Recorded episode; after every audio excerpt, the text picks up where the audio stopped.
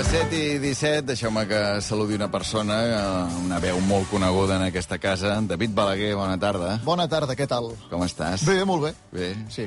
No havíem compartit mai, Mai. un estudi de ràdio, eh? No, no, no, és la primera vegada, tu. Que fort. I mira que ens coneixem des de fa anys, des del desembre de l'any 2006. Sí, és veritat. En canvi, amb el Xavi Bosch sí que havíeu compartit Sí. molta ràdio i, de fet, avui ve el David Balaguer a presentar el seu primer llibre de contes, editat per la Magrana, que es titula El digestiu de la veritat. El vas presentar divendres. Sí. I el veu presentar El divendres. vam presentar junts. Va ser amb- sensacional. I, i el Xavi era entre el públic i li vas voler agrair una cosa que té a veure amb rac amb la ràdio, i que té a veure també amb el, amb el Sí, llibre. i que de eh? fet és l'únic nom, el del Xavi Bosch, que apareix a la biografia del llibre. Carai. Sí, home, perquè el Xavi Bosch és la persona, o sigui, podríem dir que l'origen d'aquests relats es troben en la persona del Xavi Bosch, que és qui va confiar en mi i qui em va donar una secció eh, quan feia el món a rac que es deia El món irreal, del David Balaguer, que per cert m'asseia exactament on sóc ara, perquè jo sempre que vinc a rac sec aquí, i...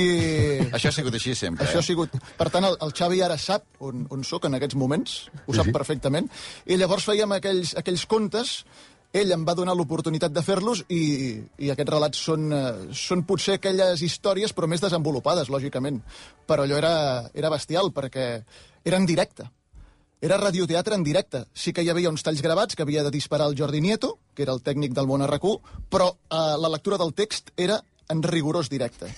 I aquella sensació mm, és una sensació que no l'he oblidat mai, una excitació molt bèstia i, eh, i a mi m'encantava aquella sensació. La sensació de dir, és que ara em puc equivocar en qualsevol moment, em puc estampar contra una paraula, que el tall no entri, però moltes vegades tu entraves aquí sabent que allò sortiria perfecte. I sortia perfecte. No et vas equivocar mai ni una vegada. No, i... al alguna vegada sí, perquè després quan arribava a casa alguna paraula, allò que, Ja. que, eh, allò que passa, no? A tu també et passa, Xavi, que de vegades si t'encalles amb una paraula, després arribes a casa Només i l'estàs... penses en allò. Oh, Sí, l'estàs sí. maleint tot el dia, Sí, però sí. sí, va, sortia bé, sortia Què bé. hi vas veure, Xavi, amb el, amb el David per, per donar-li, a part de que fos el productor del teu programa, però per donar-li aquesta secció? El que hi continuo veient tants anys després, que és molt talent, que és molt original, molt original en la tria de temes, en les posades en escena, que, que trenca els tòpics, que això cada vegada és més difícil, fins i tot que té una veu i una pronúncia que no deixa indiferent, no? que és un, un tio que té marca pròpia, i això és molt difícil. Agradarà o no, però, però és molt difícil no deixar indiferent. Saps? Un altre dia, la presentació del llibre ho deia, quan ell obre un, un sobre de cromos de futbolistes, no mira la, la, la cara de, de la fesomia del jugador, mira el nom. I li agrada que digui Roman Kosecki, perquè ni sona molt la R, ni sona la, la K, la, l'altra K, la I final, la- saps? Roman Kosecki, amb ell, el fa feliç durant unes hores. Sí, I aleshores em presenta un, un pilot, que jo diria que era el del Boulevard dels Polvos Perduts, que és un boulevard que encara s'ha de revisitar de tant en tant, i ell, hòstia, ho feia tan bé que anaves passejant amb ell per totes les noies que havia deixat passar a la vida i no, no, no hi havia fet l'amor, no? El Boulevard dels Polvos Perduts. Sí, sí. I allò, d'allò em va sortir una secció i celebro que allò fos la guspira d'aquest magnífic primer llibre de contes. Oh, gràcies, Xavi. Ara, Els tens comptats, David Balaguer, els polvos perduts de la teva vida? els polvos perduts de la meva vida en són molts. Estaríem parlant de més de 2.300. 2.343, exactament. Sí. I els que no sabem, perquè clar, el boulevard aquest era un lloc on tu entraves allà i anaves veient a gent amb qui tu hauries pogut pernoctar, però no ho sabies. I clar, t'emportaves cada sorpresa que era massa. Perquè, hòstia, la de la botiga de queviures, la de la caixa, no? gent, gent inversemblant. I per què ho sabies en- quan entraves al boulevard? Perquè, perquè era un lloc que s'havia construït precisament per això. Era un boulevard on hi havia aquestes imatges, eren com hologrames que t'apareixien allà.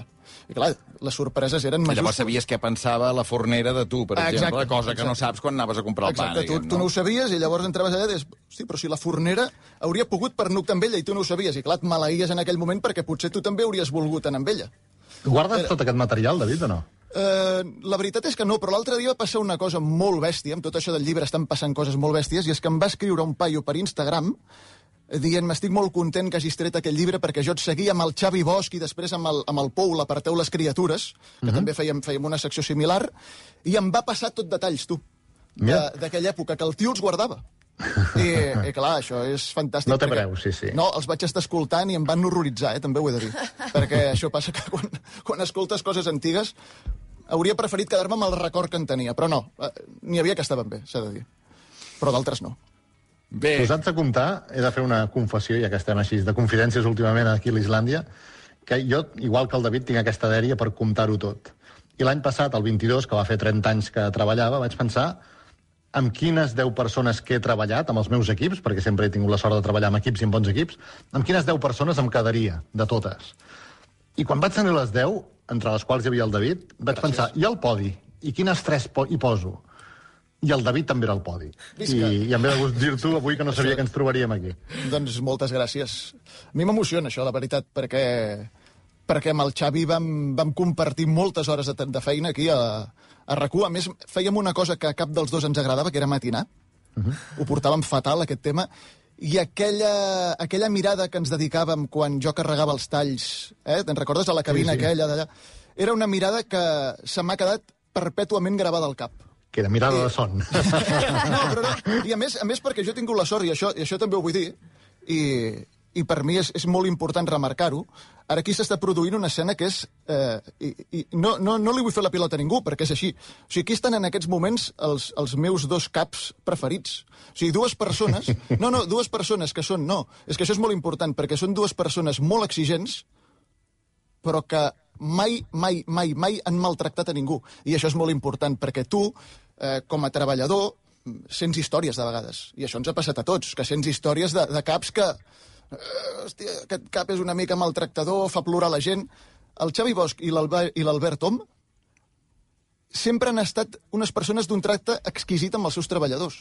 I això és una cosa que jo crec que avui en dia s'ha de remarcar i molt, i molt. Perquè això no passa en tots els equips, malauradament. Doncs escolta'm, moltes gràcies per aquestes paraules. Uh, deixem el Xavi, no?, que ens escolti tranquil·lament des de casa. Ja ens hem fet Vaig obrir sobres sí. del Roman Kosecki i veure. Exacte. Pren-te un Red Bull. Anem a parlar una mica, una mica del llibre. Xavi, fins dimarts que ve, que vagi, Que vagi molt bé, macos. Que vagi bé, gràcies.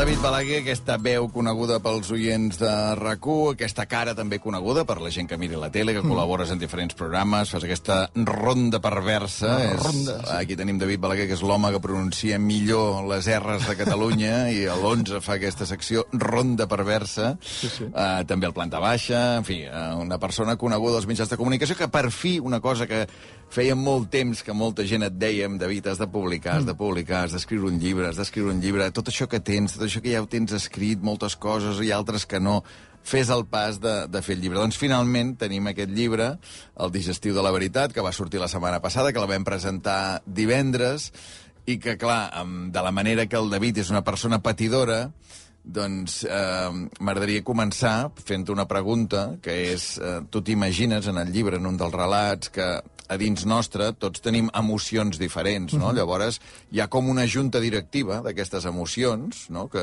allà estan representades diverses emocions en aquesta junta directiva que tenim a dins nostre. No? En aquest moment actual, diguem que em veus aquí, estàs fent una entrevista a rac tinc el llibre aquí, aquí davant, qui presidiria la junta directiva de les teves emocions ara mateix? Mira, quan, quan hem arrencat aquesta conversa, els nervis eren els, eren els que comandaven el, la, junta, la junta directiva. Però, després, a mesura que hem anat avançant, la cosa s'ha calmat, els nervis han desaparegut, no del tot, però bastant, i ara és entusiasme.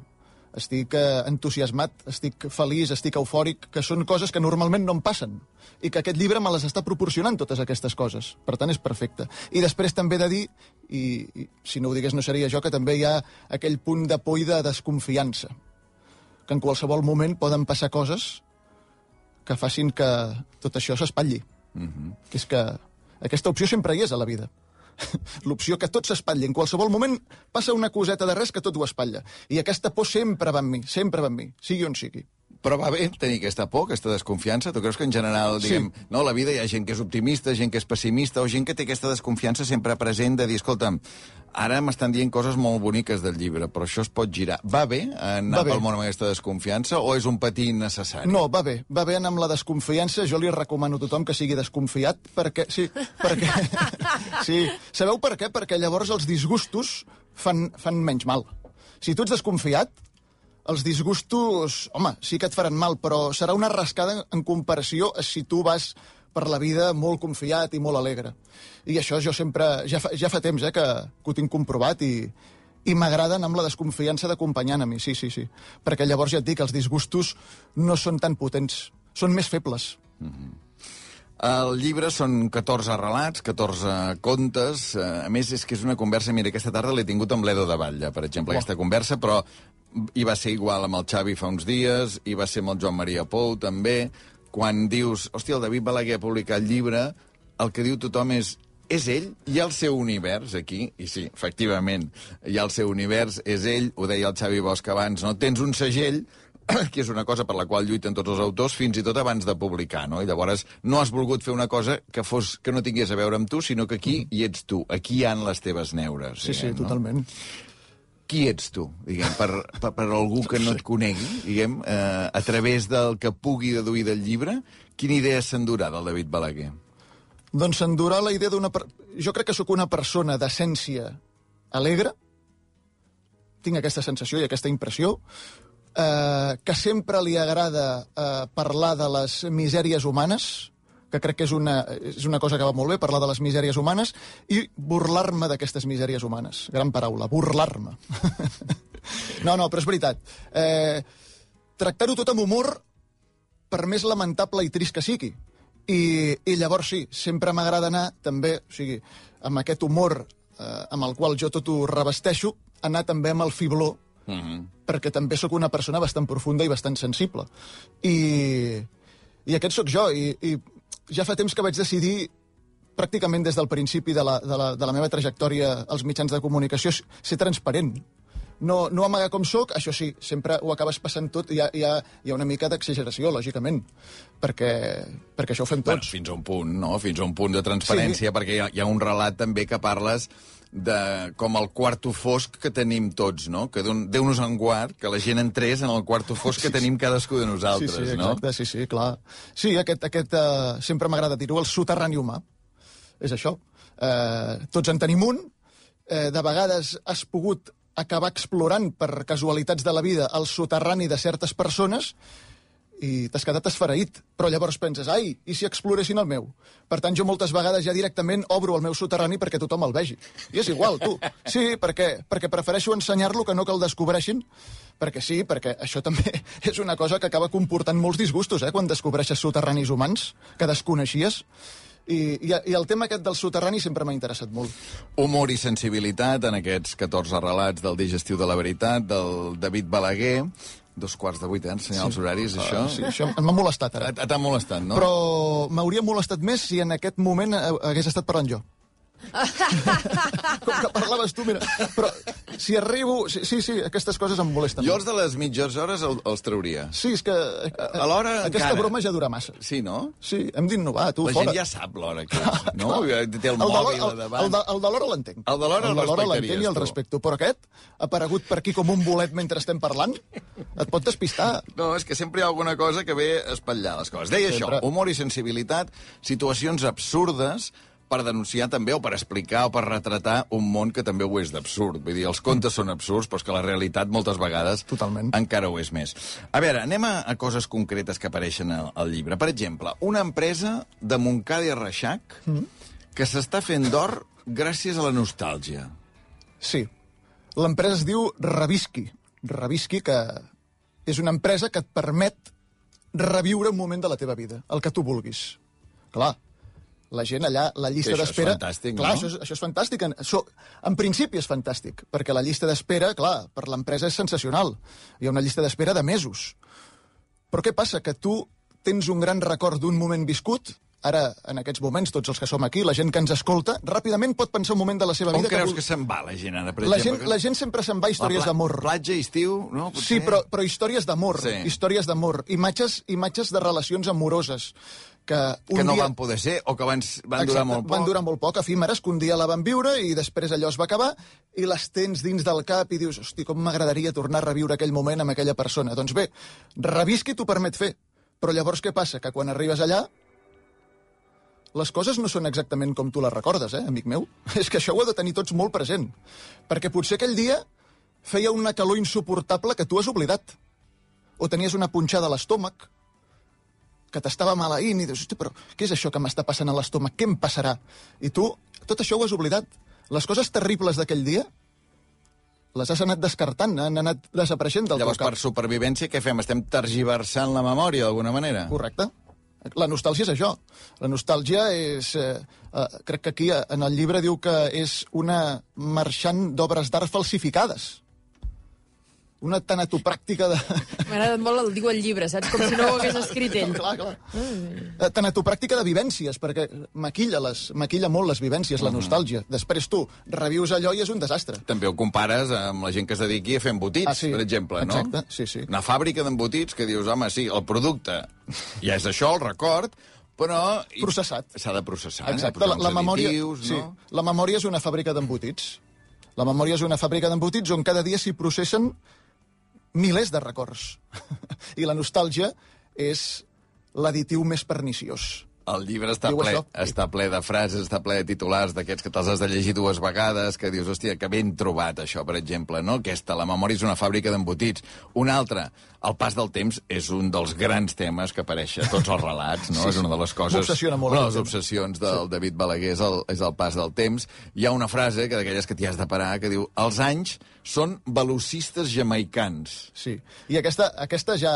M'agrada molt que tu destaquis aquesta frase, perquè demostra molt també la nostra complicitat. I ho dic de debò, perquè aquesta frase a mi m'agrada molt. És, és una tonteria de frases, ja ho sabem, sí. És, és res, una cosa que és allà enmig, però és que realment, quan la destaques, em fa il·lusió, perquè és que és veritat, els anys són velocistes jamaicans. Van a, van a tota llet. I, i per tant, hauríem d'intentar gaudir més de, del que estem vivint, perquè després això s'acaba en un moment.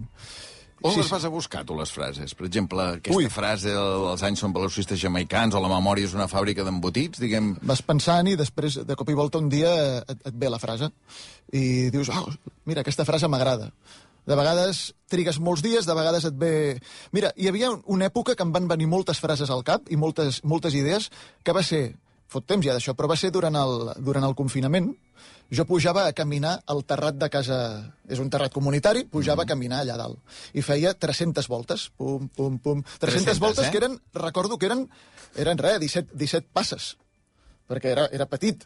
17 passes, 300 voltes. calculo. Sempre en feies 300. 300, cada matí, pam, pam, pam. I no et descomptes? No, O no et descomptaves? no, no, anava una, dues, tres... I llavors tu, mentre vas fent aquelles voltes, com que deixaves el mòbil a casa i estaves allà pensant en les teves coses, et van venint. I allà, d'aquella època, crec que, sincerament, per mi, per la meva opinió, el, les millors seccions que jo vaig fer al Vostè primer van ser les d'aquella etapa perquè em venien aquestes idees allà. I llavors, les frases... Et venen frases. O sigui, a, la, a la dutxa també venen moltes frases. Mm. O sigui, moments, sobretot... Eh, ho he de dir, jo estic, estic bastant enganxat al mòbil i aquest és un dels errors més greus de la meva vida. Perquè això...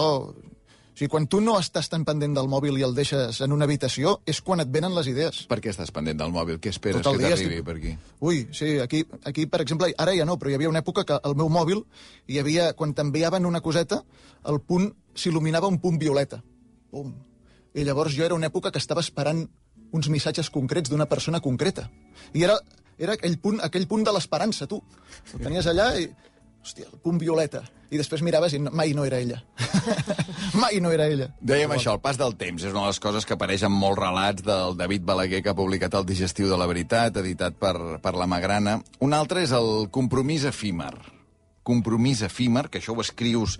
Jo crec que un parell de vegades, Segurament. un parell de vegades hi ha aquesta, aquesta dupla, també, que forma aquesta parella, compromís efímer. Però és que hi ha un conte, un dels contes, que es titula La velocitat, que a mi em sembla una obra mestra, aquest conte. T'ho he, de dir, eh, perquè s'ha parlat molt de l'amor efímer, de l'amor que dura poc, però explica aquest conte, si plau, aquest, És- la velocitat. La velocitat és un, és un conte en el qual tot passa molt de pressa i és, eh, que és el que jo m'he fixat que passa al meu voltant, que de seguida la gent vol anar, vol anar molt ràpida fent les coses en el tema de les, eh, de les relacions de parella. I llavors és un tio que puja a l'estació d'Urquinaona i quan puja a l'estació d'Urquinaona, pam, ja s'enamora d'una noia que té just al davant, aquesta noia també s'enamora d'ell, i és com va la relació, o sigui, es casen, tenen fills i se separen, tot en el trajecte que va d'Urquinaona a Poble Nou. perquè... I allà passa tot. O sigui, s'han casat, han tingut fills, han anat a viure junts, estan molt enamorats i després com, com aquest, amor es va, aquest amor es va pensint que és el que, és el que passa moltes vegades. Llavors aquí és, són aquestes dues... Per mi hi ha la barreja d'aquestes dues coses. Una, els microenamoraments de transport públic, que és una cosa que a mi m'ha passat 300 vegades. Sí? Al metro, sobretot? Al metro, i tant. Més que al bus? Sí, exemple? al metro. Per La- què al metro? No ho sé per què, però jo pujo moltes vegades allà a la línia groga, que és la que em porta a casa, Sense cap desig aparent? sense cap desig aparent, i veus... Mica de, mica de desig, mica de desig, hi havia, eh, mica de desig hi ha. Potser sí. I, I veus una persona i tu comences ja a fantasiejar aquesta podria ser ella, la dona de la meva vida, ens casaríem, tindríem fills, tal, tal, tal, tal, tal, tal, arribes a llacuna, baixes, i aquella cara, aquella persona, pum, ja se t'ha oblidat. És que se el, només sortir del metro, ja, és que potser ni, ni, ni sortint al carrer, ja només sortir a l'andana. És bestial. I llavors l'altre és això, la, la velocitat. Jo veig a moltes persones que diu, sí, uh, he, conegut, uh, he conegut un noi o he conegut una noia. Una setmana després et diuen, hem anat a viure junts. Hòstia, tres setmanes després eh, m'he quedat embarassada. Hòstia, és aquesta velocitat que no puc entendre, però també deu anar molt lligat això del pas del temps. Que dius, és que si no ens donem pressa, el temps passa. Mm -hmm. El David Balaguer, que apareix molt en aquest llibre, les seves neures, no? les seves obsessions, els seus sentiments, aquest humor, aquesta sensibilitat... Eh, tu hi ha una colla de paraules que més aviat eh, les defuges, no? Diguem, per exemple, eh, compromís, Sí. Convivència, Fora. eh, què més? Podríem afegir, però vaja, totes, sí, anirien, totes aquestes, totes sí. anirien per aquesta sí, línia, no? eh, sí. Sí, és així. Per què? Perquè al final he decidit anar, anar tapiant durant la meva vida, anar tapiant totes les vies d'accés del disgust. O sigui, i que el disgust no pugui... O sigui, he intentat fer una... Com que el disgust no pugui entrar a la meva vida. Reduir molt el, el nombre de disgustos. I Perdona, penso... publicar un llibre aquí has obert un forat, eh, en aquesta tàpia. Sí, sí. No, perquè, clar, pu- Sí. publicar un llibre és exposar-te. Exacte, sí. A que et passin coses molt bones i que et passin coses Oh, i dolentes, tant, i també. tant, i tant, i tant, i tant. Però amb el tema aquest, de, amb el tema aquest del compromís, de la convivència, he decidit fer això. mm, Tapiar les entrades del disgust, reduir... Perquè tot això... Sí, també hi ha coses molt bones i, i hi ha moments de gran felicitat, probablement, però sempre veig que tot... Veig, ho veig per la gent del meu entorn. Tot acaba desembocant en disgustos, tu.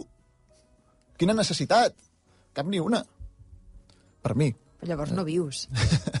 Sí, però... No, sí, però, però tu pots tenir relacions i no establir un compromís, eh, una convivència, no. Jo crec que, a més, estic convençut que cada vegada es porten més aquest tipus de relacions. I escolta, fet- pots estimar igual, eh? De fet, hi ha un conte que comptabilitza, diguem té comptat el protagonista, quantes alegries ha deixat de viure, diguem, per, com que ha tapiat tot això, quantes alegries ha deixat de viure i quants disgustos s'ha estalviat. Qui guanya, diguem, en, en aquest conte? Guanyen més les alegries eh, que has Guanyen- deixat de viure o guanyen els disgustos? Els disgustos estalviats. Disgustos estalviats. Que llavors, quan li diuen la... Perquè aquest tio té com un, un paio que li porta les estadístiques de la seva vida, que això és una cosa que a mi m'encantaria tenir totes les estadístiques de la meva vida. Llavors li porta les estadístiques i li diu eh, alegries perdudes, i li diu una xifra, i el tio diu, "Hosti, tinc, tinc una fuita de joia important. Però llavors li diu la, els disgustos que s'ha estalviat per aquest comportament tan conservador, i diu, ah, mira, doncs, saps? Surto clar, guanyant. perquè, clar, també hauríem de veure la magnitud de les alegries i dels disgustos. El grau, no? Clar, clar, és que es pot comptabilitzar tot, diguem. De fet, el David hi ha coses que les comptabilitza. Uh, per exemple, quants dies has viscut, tu? Doncs mira, avui és el dia 16.878. Quin número, eh? Tan, tan preciós. Dia històric 16.000 perquè és el primer dia que, el primer dia que, que, que he vingut a l'Islàndia. Bueno, el primer dia- El primer 16.878. dia que fem ràdio junt, apunta-ho això, sí. el, el dia 16.878 de la meva existència, He fet ràdio amb l'Albert Tom. Tens un diari, també? És a dir, aquestes No. coses apuntes? No, No. ho apunto... Tot, tinc coses apuntades en, en folis. per fer-ho fàcil, té 46 anys, eh? Ho dic perquè si ara algú està fent números, hosti, 16.878, o si teniu edats semblants, sapigueu que aneu més o menys per, per aquesta via. Sí, ens acostem als 17.000. Quantes vegades has dit t'estimo? Doncs mira, 11.202. però, però aquí hauríem de, de dividir-les entre les vegades que ho he dit de debò i les vegades que ho he dit sense sentir-ho. Que de vegades... I qui guanya? Les vegades que ho has dit de debò les vegades que ho has dit les de sense debò, sentir? les de debò, però per poc. I són, per què- són 6.030, 5.172. I si feu la suma us sortiran 11.202. Que no enganyo, jo. I per què dius t'estimo si no ho sents o si no és de debò? Diguem, quines situacions a la vida ens porten a dir t'estimo? és, és el, el, el llibre aquell fantàstic de l'Empar Moliner, T'estimo si he begut, per exemple. Per exemple, quan veus, se t'escapa algun t'estimo que després el dia següent dius, ui, aquest potser va ser una mica gratuït. Però no diuen que els borratxos sempre diuen la veritat. No, això, això és una fal·làcia. No, no. I eh, de vegades, eh, de vegades es diu t'estimo sense sentir-ho. No sé, no sé per què passa. Ens ha passat a tots i dius... I ara O si per què? t'ho diuen. Clar, si, si t'ho diuen a tu, per això jo sempre que sóc tan desconfiat dic, mira, aquest tio m'ho està dient perquè ara vol quedar bé o em vol dir que m'estima, però no ho està sentint realment. Mm -hmm. Una mica això es detecta, eh, si t'ho diuen de debò o no, també. Però també també he de dir que això és una cosa... Jo deia molt estimo en el primer tram de la meva vida, eh? Això també vull dir-ho.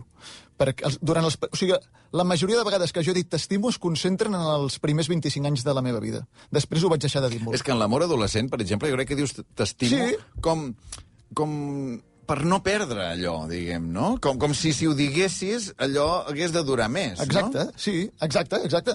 Perquè moltes vegades, eh, vinculat amb el t'estimo, no, no, no és dir t'estimo, però fixeu-vos que quan hi ha una crisi important de parella, moltes vegades surt una frase que diu estem millor que mai. I és mentida.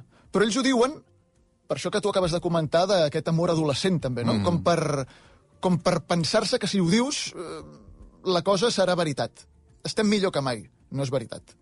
A tu la vida et passa ràpid o et passa lenta? Em passa... Sí, no, la vida em passa volant. Volant. I tot i que no sóc un paio de grans activitats, perquè jo perdo bastant el temps. Sóc un malbaratador del temps. O sigui, d'aquests d'aquests 16.878 dies que dius que has viscut, sí. Sabries dir-me quants els has Home. llançat a la brossa, I tant. O sigui, quan, Més quants de- dies has malbaratat? Més de la meitat. Més de la meitat Més de la malbaratats, meitat. eh? 9.812. Aquests malbaratats directament. Però tot i així et passa ràpid. Ho dic perquè hi ha, sí. hi ha un dels contes del llibre del David Balaguer, el digestiu de la veritat, així es titula el llibre, un dels contes, no me'n recordo quin, que parles d'una figura que és l'abreujador d'existències. Qui és l'abreujador o què fa l'abreujador d'existències? L'abreujador d'existències és un paio que és tan, tan, tan divertit que fa que el temps de la gent del seu voltant passi volant que és una cosa que... Això està agafat de la, de la, de la vida real, no? És... Oh, és que, és que em passa volant el temps. I quan tu, per exemple, vas a una calçotada i t'estàs divertint molt, en un moment fosqueja. S'ha fet de nit ja, tu. Hòstia, ens ha passat volant perquè t'has divertit. Llavors, potser, si no voleu que la vida us passi tan ràpida, potser el millor que podeu fer és avorrir-vos, rodejar-vos de gent avorrida, i així potser la cosa anirà més lenta. Aquest, aquest és el, el de l'excusa, que és a mi, personalment, és, és un relat que m'agrada molt perquè perquè hi ha una profunditat allà que m'agrada molt, però que se'l llegeixin.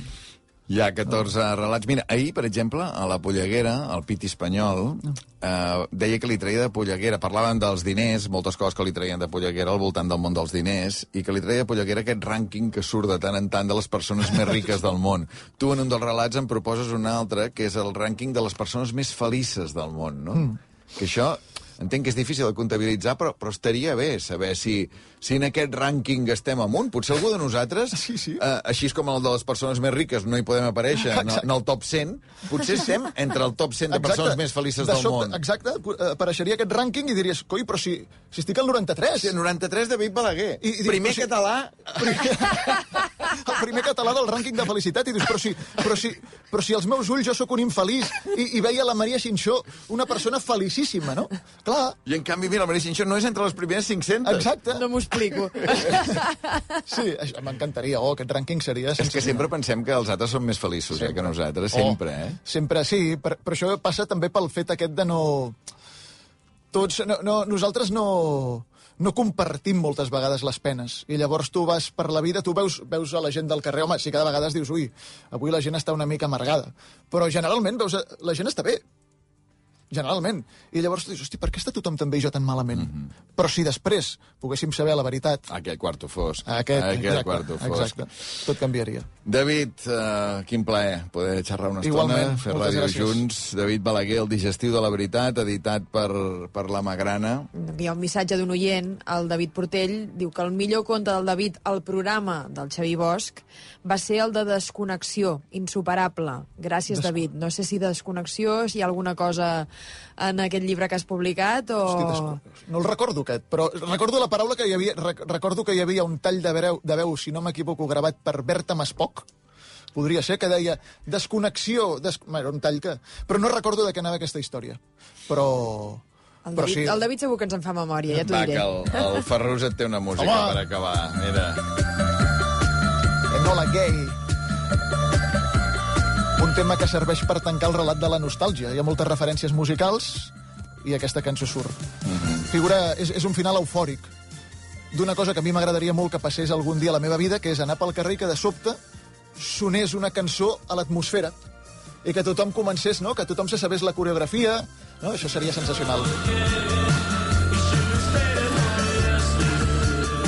David, molta sort amb el llibre. Moltes gràcies. T'estimo, ja ho Jo saps. també t'estimo molt i Què és moltes això, gràcies. ara? Uns pitos, per favor. Què? O sigui, Ah! se'ls ha inventat. Els, els ha col·locat Se'ls ha gratuïtament, inventat sí. quan t'he dit t'estimo. Sí, oh, ha volgut trepitjar el testimo, Joan Ferrus. Doncs m'ha semblat sensacional, Joan. Sí, molt bona idea. No, això, això és estar atent, és un tècnic que està atent al programa. Sí, senyor. Per tant, sensacional. Per cert, per cert, que l'altre dia, amb els nervis del final, em vaig oblidar de dir una cosa a la presentació i ho dic aquí Ah, avui. doncs no, no, no havia de dir a la presentació. No, vull dir una cosa només. Eh, jo sabia que ho havies de fer tu i no em vaig equivocar. Aquesta és la frase amb la qual hauria d'haver rematat la, la, la presentació. No ho vaig fer i la dic avui aquí. Les coses es fan en el moment que És igual, de no, fer, però o també llavors, serveix. ah, No, llavors ja no ha servit, ha servit també. Gràcies. Estava nerviós, Albert. Gràcies, David. Que vagi bé.